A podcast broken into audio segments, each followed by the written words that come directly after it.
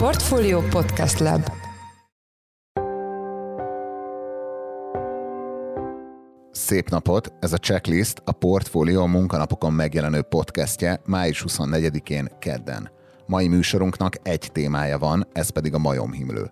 Milyen vírusról van szó, kell -e tartani attól, hogy megbetegszünk, milyen környezetben terjed a kórokozó, hogyan kerül egyáltalán Európába. Ha nem járványjal, akkor milyen jelenséggel állunk szemben? kell -e az új koronavírus által okozott pandémia hullámaikor tapasztalt lezárásokra számítani? Szükséges-e már most óvintézkedéseket tenni egy átlagembernek? Lesz-e oltási kampány, és ha igen, akkor milyen? Valamint mennyire aggódik most a tudós közösség? A témával kapcsolatban Kemenesi Gábor virológus, a Pécsi Tudományegyetem természettudományi karának adjunktusa a mai adás vendége.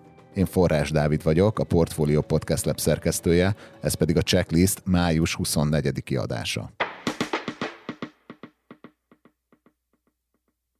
Még soha nem fordult elő annyi majomhimlős megbetegedés Európában, mint az utóbbi hetekben. Jelenleg is újabb és újabb országokban üti fel a fejét a betegség, melyet leggyakrabban Afrikában figyelnek meg.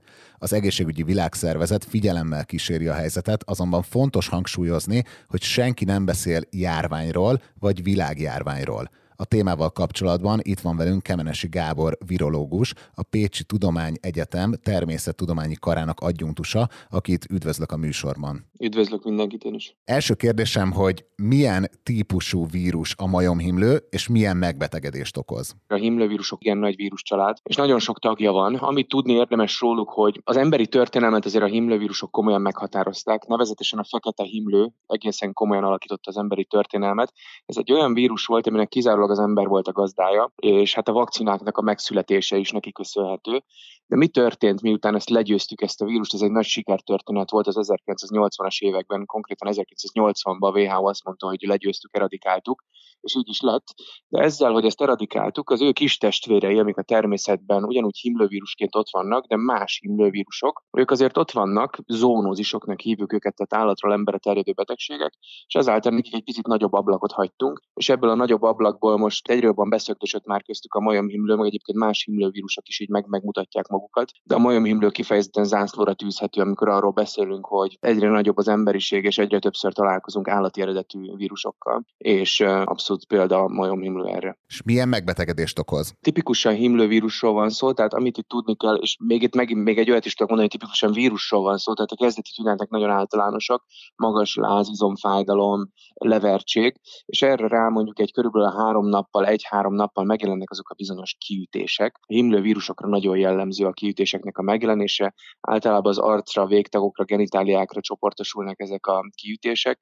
És most jön a problémás rész, aminek egyébként, ha a koronavírussal összehasonlítjuk, egy picit örülhetünk, mert ez a tünetes fázis, tehát a kiütéses tünetes fázis az, amikor fertőznek az emberek, viszont ez kettő-négy hétig is tarthat. Ugyanis ezek a kiütések először aprók, aztán szépen feltelnek vizenyővel, kipukkadnak, kifakadnak, és még miközben száradnak le, közben is fertőzünk, tehát innen jön majd az, és valószínűleg rátérünk, hogy hogyan terjed, hát közeli kontaktussal terjed, mert tehát ezek a kiütések azok, amik milliárd számra ontják magukból a vírust, úgyhogy ha az ember a fertőzött ember a ruháját, ágyneműjét, stb. ott hagyja, vagy tényleg közeli kontaktusba lép családtagokkal, stb., akkor itt tudja átadni, és ezt is látjuk a járványoknál. Ez azt jelenti, hogy emberektől és állatoktól is el lehet kapni, és így közeli kontaktussal? Így van. Az alapvető forgatókönyv, az ugye mivel egy állati eredetű vírusról van szó, ezeknél azért tudni kell, hogy mindig van a természetben valahol egy úgynevezett rezervoárja, ez nálunk a tudományos név virológusoknál, de nevezük természetes gazdának. Ő az, aki valahol kim van a természetben, és köszöni szépen, jól érzi magát, benne van a vírus, tüneteket nem produkál. Itt a majom himlőnél jó eséllyel ez valamilyen rákcsáló, vagy több rákcsálófaj lesz. Ezt tudjuk is, hogy Afrika ennek a, az ős hazája ennek a majom himlőnek. Egyébként a neve onnan fakad, ne meg senkit, hogy először majmokba fedezték fel, tehát bennük is megbetegedett felmelegedést okoz. De a lényeg, hogy Afrika bizonyos területeire korlátozódott, és ahogy Afrika is egyre nagyobbra nőtt, meg az ottani populáció is egyre nagyobbra nőtt, és a fekete imlő legyőzése óta a populációs immunitás, amit a fekete imlő vakcinának köszönhettünk, az is kopott, egyre nagyobb ablak lett nyitva hagyva ennek a majomhimlőnek, és 2003 óta láttuk is, hogy egyre többször került behurcolásra Amerikába, Európába, de ezek behurcolt esetek voltak, ezt nagyon fontos hangsúlyozni, és majd a mostani történet ezért lesz nagyon más, mert most már nem csak Afrikában látunk emberről emberre terjedést, hanem Európában is emberről emberre terjedési láncolat van éppen most, amikor beszélünk meg felderítés alatt, és most valami olyasmi történt, ami addig főként Afrikában. Az amerikai éppenségtől egy fertőzött állatpopuláció látogató emberek körében lett, tehát aki piszkált az állatokat és érintkezett velük elkapta. Az európaiak meg tipikus utazással egybekötött behurcolási események voltak, és nagyjából egy-két fertőződésről volt szó, most viszont nem ezt látjuk. Ahogy a felvezetőben is említettem, nincs járvány, de akkor szakmailag milyen jelenséggel állunk szemben? Then. Szakmailag egy felderítés alatt álló fertőzési láncolatról beszélünk. Tényleg napról napra, óráról órára egyet többet lehet látni, ami ijesztő és ami furcsának tűnt az átlagembernek, hogy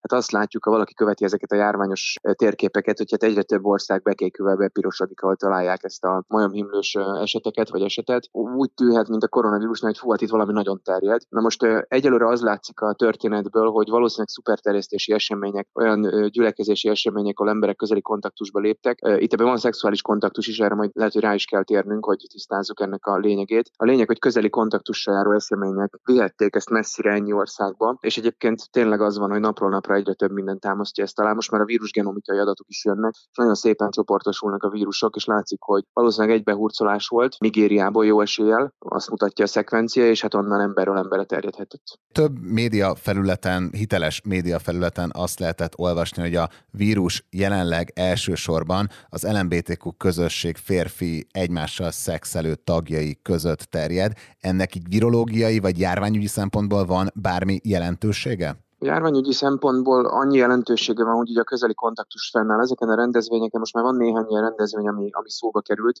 Itt megvolt a közeli testi kontaktus. Picit annyiban mondtam is az előbb ezt a szexuális transmissziót helyesbíteném, hogy nem arról a tankönyvi szexuális transmisszióról van szó, mint mondjuk a hívnél, hanem itt ténylegesen közeli kontaktus. Nyilvánvalóan ezt nem kell tovább magyaráznom, hogy a szexuális kontaktus közben ez fennáll, de itt erről lehet szó. Ugyanakkor azt is hangsúlyozni kell, hogy egyelőre az eseteknek döntő többsége még nincs felderítve. Azt látjuk, hogy voltak ilyen szuperterjesztési események. Járványügyi szakemberként ezeket visszanyomozni, ez egy igen nagy kihívás.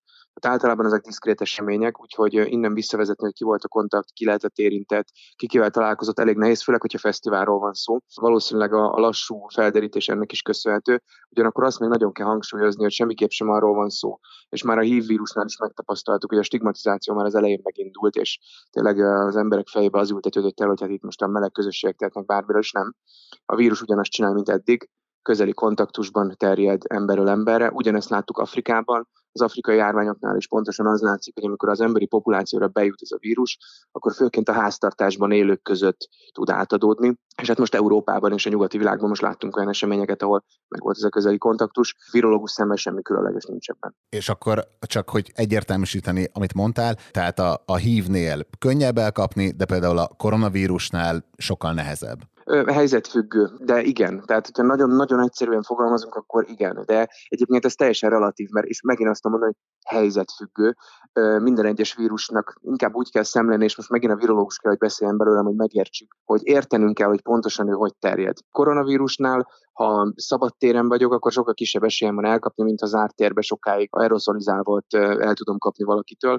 A majomhimlőnél meg kifejezetten tényleg ezt lehet vastag betűkkel aláhúzva kiemelni, hogy közeli kontaktus kell. Most ez mindegy, hogy hogyan történt meg, mert megtörtént úgy is, hogy egy himlőbetegnek a, a ruháját vagy az ágyneműjét használom, és így fertőződök meg, vagy lehet egy családtagok, vagy egy akármilyen eseményen történő közeli testkontaktusnál is, de itt kifejezetten ez kell, tehát attól függ, hogy milyen helyzetbe csöppenünk, attól függ, hogy hogy tudjuk elkapni kapni. Amit itt látni kell, hogy, és ugye erről az elején beszéltem, hogy itt a hólyagok azok, amik tulajdonképpen ontják magukból a vírusokat, tehát a hólyagokból leváló darabok, a nedvedzés és a többi, ez az, ami viszi. Ez ugye a ruhára, a felületekre, akárhova oda juthat. Amit itt ugye cseppfertőzésként a, a hírek, meg a szakirodalom is megemlít, itt a cseppfertőzést úgy kell elképzelni, hogy ezek a hólyagok általában nyálkártyán is jelentkeznek. Tehát ha valakinek a szájüregébe megjelennek ezek a hólyagok, akkor a beszéd közben kibocsájtott. Tehát egyszerűen úgy szoktunk fogalmazni, hogy nagy cseppes terjedéssel, közeli kontaktus révén így is át lehet adni.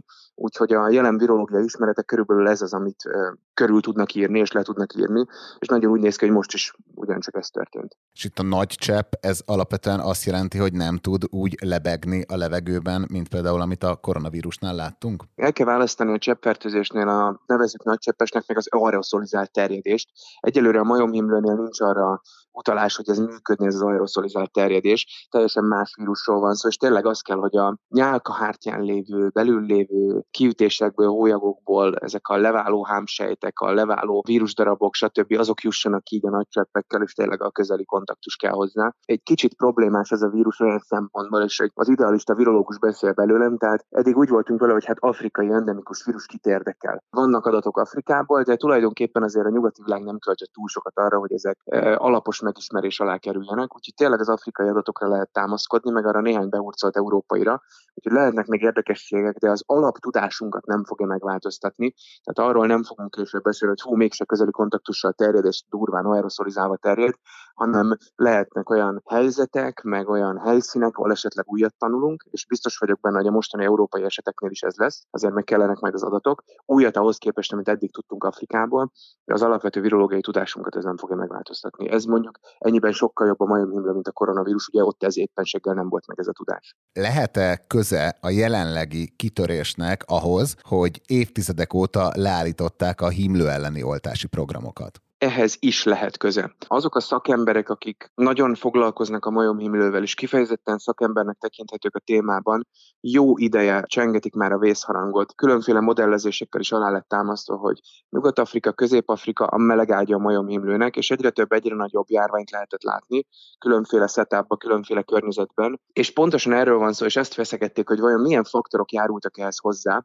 És az egyik faktor a sok közül az éppenséggel ez volt, hogy egy idő után már abba lett hagyva a fekete himlő vakcinálás. Akik meg lettek vakcinálva, azoknál sem tiszta, hogy egyébként ennyi évtized után még az mekkora védelmet nyújt, és látjuk ezt a bizonyos ablakot szépen kinyílni a majomhimlő számára, és egyéb himlőbetegségek számára is, de ez éppenséggel szakmai körökben már jó pár éve le lett írva. Egész véletlenül 2022. február 1-én is kiadott egy kiváló cikk egyébként, megint csak ezt taglalta, de nevezhetnék 2003-ból is cikket, 2003-ból már, amikor ezzel foglalkoztak, hogy hát emberek, ezre nagyon kellene figyelni, és több pénzt költeni, hogy megtudjuk, hogy hát pontosan mi várható ettől. És most itt van ez a vírus, és kopogtat Európában. És érdemes lehet most fekete himlő ellen beoltatnia magát egy átlagembernek? Nem.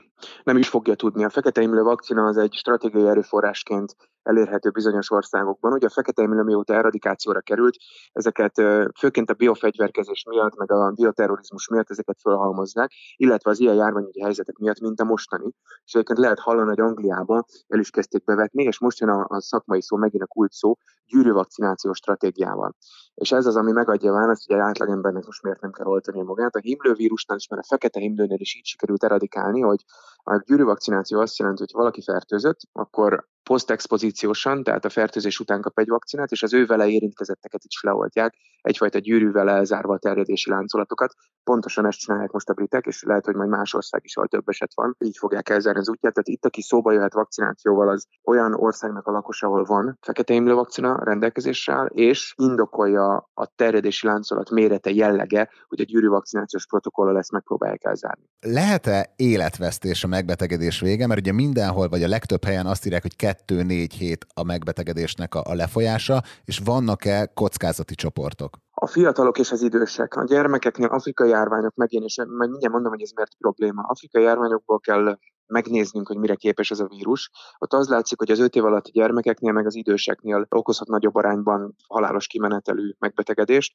De mit látunk Afrikában? Egyrészt azt látjuk, hogy ez a most Európába terjedő variáns, ez a nevezük úgy, hogy két variáns van, ez két genetikai klád, mi úgy mondjuk szakmailag. Az egyik a Kongó medencére jellemző, a másik meg a nyugat-afrikai. A nyugat-afrikai enyhébb. A nyugat-afrikai van most Európában, és az afrikai adatok szerint egy ilyen 1-3 százalék között szokott lenni a halálozási arány ennek a megbetegedésnek, viszont afrikai körülményekről beszélünk. Tehát nagyon nem tudjuk, hogy az Európában mit fog mutatni. Ennél a vírusnál tudni, hogy egy szupportív terápia van, tehát ha valakinek súlyosbodik az állapota, meg alapvetően is megbetegedés jeleit mutatja, akkor támogató terápiát tud kapni, de hát egy nyugat-afrikai, meg egy európai egészségügyi ellátórendszer azért nagyon más, úgyhogy az összes szakember, és köztük én is erre szavaznék, hogy nálunk azért egész más lesz majd ez a, ez a szám, tehát meglátjuk, hogy még hova fut ez a vírus, most nehéz lenne megmondani, nem látjuk még az összes elemét a terjedési láncolatnak. Személyes szinten mit lehet tenni, vagy egyáltalán másképp kérdezem, kell most valamit tenni azért, hogy elkerüljük a megbetegedést? Most amit lehet tenni, és akit most meg kell ilyenkor szólítani, az ugye azok a közösségek, akik ezeken a fesztiválokon részt vettek, és éppenséggel ezt csinálja, nem tudom fejből mondani, mert tegnap olvastam éppen, de a britek biztos, hogy elkezdték őket tájékoztatni. Azt hiszem, hogy a belga hatóságok is, tehát kifejezetten az LMBTQ közösségeket tájékoztatják arról, hogy a mostani Pride hónappal közeledő fesztiváloknak a látogatásánál mire figyeljenek oda, mik az intőjelek, és az STD klinikákat, tehát a szexuális úton terjedő betegségek klinikáit is értesítették, hogy az kezdeti tüneteknél, és itt most mondok két olyan betegséget, amiből össze lehet keverni, az egyik az oszter, a másik pedig a szifilisz. Ezeknél az orvos is figyeljen arra, hogy hát a majomhimlőt is, hogyha az anamnézis indokolja, akkor, akkor kerüljön tesztelés alá. Ezen kívül, itt most két országot tudtam mondani, ezen kívül most nagyon más nem mondani, tehát egy magyar átlagember most ne rettegjen attól, hogy majomhimlős lesz a buszon, mert ez a járvány nem így működik, és nem is itt tart ez a járvány. Az NNK laboratóriuma benne van abban a laboratóriumi hálózatban, ami a majomhimlőnek a diagnosztikára alkalmas, tehát ők ezt tudják diagnosztizálni, amennyiben szükséges. Úgyhogy diagnosztikai háttér az, az megvan Magyarországon. Egyelőre tényleg az látszik, hogy ez a hirtelen felütő sok ország, tehát most már 13 ország van össze a listán, ezek szinte mindegyike utazással egybefüggő, tehát egy-egy eseményen részt vettek, egy-egy szuperterjesztő eseményen majd hazamentek, és akkor jelentkeztek a tünetek. Egyelőre ezt látjuk, aztán meglátjuk, hogy a következő néhány nap még még derülnek ki. Már van ország, amely karantén kötelezettséget vezetett be a majomhimlő ellen. Várható-e, hogy az új koronavírus járványhoz hasonló korlátozások állnak előttünk? Nem, ez egy teljesen természetes lépés a járványi hatóságok részéről, hogyha van egy fertőző betegségnek egy terjedési láncolata, akkor ezt el kell zárni. Vakcinációval, karanténnal, stb. A karanténnak egyszerűen annyi a jelentősége, hogyha én kontakt személy vagyok, és még nem tudjuk, hogy tüneteket fogok-e produkálni fertőzőként, megjelenek ebbe a terjedési láncolatba, akkor engem érdemes elzárni 21 napra, hogy ne tudjam továbbadni, és ez a bizonyos terjedési láncolat megszakadjon. Ami egyébként virológusként és olyan virológusként, aki a zónotikus megbetegedésekkel foglalkozik, aggaszt ebben az egészben, az az, hogy jó lenne minél hamarabb elzárni ezeket a terjedési láncolatokat, mielőtt esetleg a majomhimlő talál magának egy természetes gazdát itt is, vagy egy olyan gazdát, ami képes felvenni, egy rákcsálót, vagy egy akármit, és mondjuk azt, hogy meghonosodik a majomhimlő, tehát jó lenne minél hamarabb elzárni ezt a terjedési láncolatot, és a jövőben érkezőket is. Hogyan tudná egy átlagember számára vázolni, hogy mennyire aggódnak most a tudósok a helyzet miatt? Tudósok nem aggódnak, a tudósok nagyon figyelnek, tanulnak. Ami egyedül aggasztó még ebben, hogy meg nincs meg minden eleme a terjedésnek. Tehát még nem látjuk az összes láncszemét ennek a terjedési láncolatnak, de ez emiatt inkább a járványügyi hatóságok feje fáj, a tudósok meg éberen figyelnek, gondolkodnak, hogy egyébként mi lesz ennek a kifutása, mit mutat a vírusgenom, és egyáltalán mit várhatunk a majomhimlőtől, nem csak a mostani járványban, hanem mondjuk a következő 5-10 évben. Mert azt láttuk, és szólt már a majomhimlő, ha nagyon mután fogalmazok, hogy sziasztok, jövök, egyre többször jövök, egyre többször hurcoltok be, időkérdése, hogy mikor jövök nagyon. Remélem, hogy ez volt az utolsó nagyon jövése, de azt még még jobban remélem, hogy most már azért a világ, meg az egészségügyi hatóságok is jobban fognak arra figyelni, hogy hát ha valami Afrikában van, akkor azt nem lehet félváról venni, mert azt mondani, hogy csak Afrikában van, mert ez a globalizált világban ide fog jönni és be fog köszönni. A Facebookon azt írta néhány napja, hogy kétségtelenül a járványok korát éljük. Tudunk valamit tenni személyes vagy döntéshozói szinten, hogy csökkentsük az esélyét az új járványok kialakulásának, vagy legalább annak, hogy a COVID-hoz hasonló pusztítást okozzanak? Igen, az első, hogy kövessük a tudomány szavát. Nagyon kérek mindenkit, hogy kövessük a tudomány szavát, mert amit még a vírus mellett legkárosabbnak tanultam meg így a járvány során a, az álhírek és a téves információk és a, ez a fajta őrület, ami most nagyon gyorsan tud menni a közösségi médiával, de ha mégis komolyabbra és gyakorlatilasabbra fordítom a szót, akkor azt tudom mondani, hogy minden olyan cselekedet, amivel zöldebb, fenntarthatóbb, ökotudatosabb az életünk, az mind segít abban is, hogy a járványokat jobban le tudjuk magunkról söpörni. Ugye ott a poszt végén én adtam is egy ilyen kis löketet az embereknek, hogy felajánlottam bizonyos összeget egy ilyen streaming szolgáltatási összeget egy afrikai főemlősmentő központnak, akik az élőhelyüket is védik. Ilyesmikkel, tehát bármi, ami zöld, fenntartható, és azt szolgálja, hogy az unokáinknak is legyen még bolygó, az mind jó járványok ellen is, ugyanis a járványok kora ez, ez egy olyan fogalom, ami szervesen integrálódik a klímaváltozásba, a globális változásokba és azokba a kívásokba, amik előttünk állnak. Ezek egymást erősítik és egymással hálózatba kapcsolva működnek, úgyhogy nehéz lenne külön kezelni a klímaváltozástól, azzal együtt van. Úgyhogy ha megteszünk mindent, hogy ezen a téren jobbak legyünk, akkor a járványok ellen is megtettünk mindent, amit tudunk személyileg. Nagyon szépen köszönjük, hogy a rendelkezésünkre álltál. Az elmúlt percekben Kemenesi Gábor virológus volt a vendégünk. Köszönjük szépen, hogy itt voltál. Köszönöm.